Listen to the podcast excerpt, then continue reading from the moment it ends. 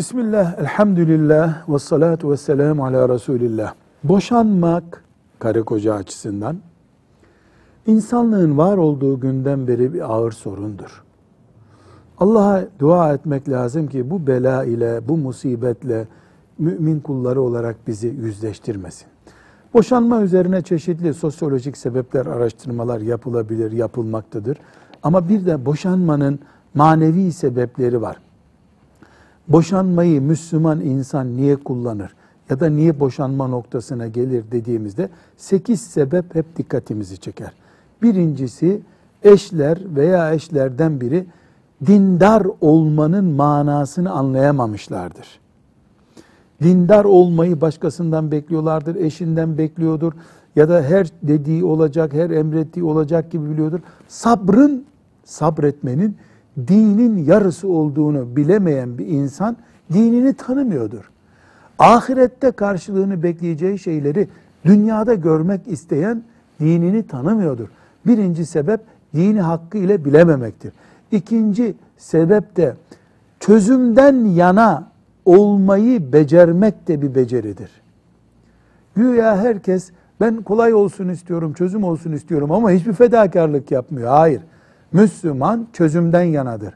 Önce doldurmayı bilmelidir ki boşaltmayı, boşanmayı bilsin. Üçüncü olarak akrabalar sadece ah o uf yazık oldu derken bile boşanmanın körüğünü kurmuş olabilirler. Akraba tavırlarının, akraba sözlerinin, yakın çevrenin davranışlarının boşanmayı kışkırtması söz konusudur. Dördüncüsü eşler birbirlerinin önceki güzelliklerini yok sayarak mevcut kötülüklerini sayarlarsa boşanmayı hızlandırırlar. Dün güzel olan birinin bu güzelliğine de bir puan vermek lazım. Filan seneye kadar iyiydi.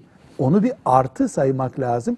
Bugünkü kötülük o artıdan çok çok fazla ise bir boşanmadan söz edebilmeli. Gözü döndükten sonra insan ne konuştuğunu bilmeyecek kadar kötü kararlar verebilir.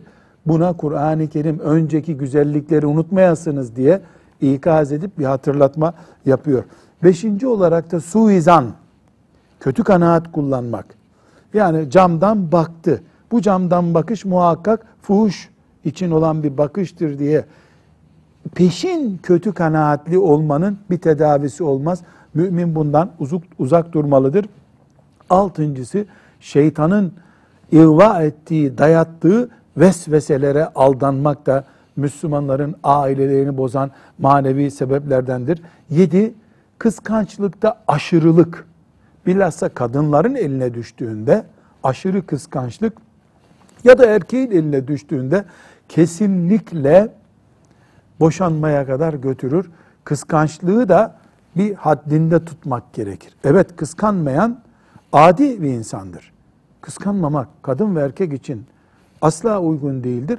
Ama kıskançlığı da din haline getirmek ve vesvese, septik bir insan gibi sürekli kıskanıyor olmak da doğru değildir. Sekizinci olarak da bereketin gittiği yerde mal durmadığı gibi, vakit kalmadığı gibi ailede kalmaz.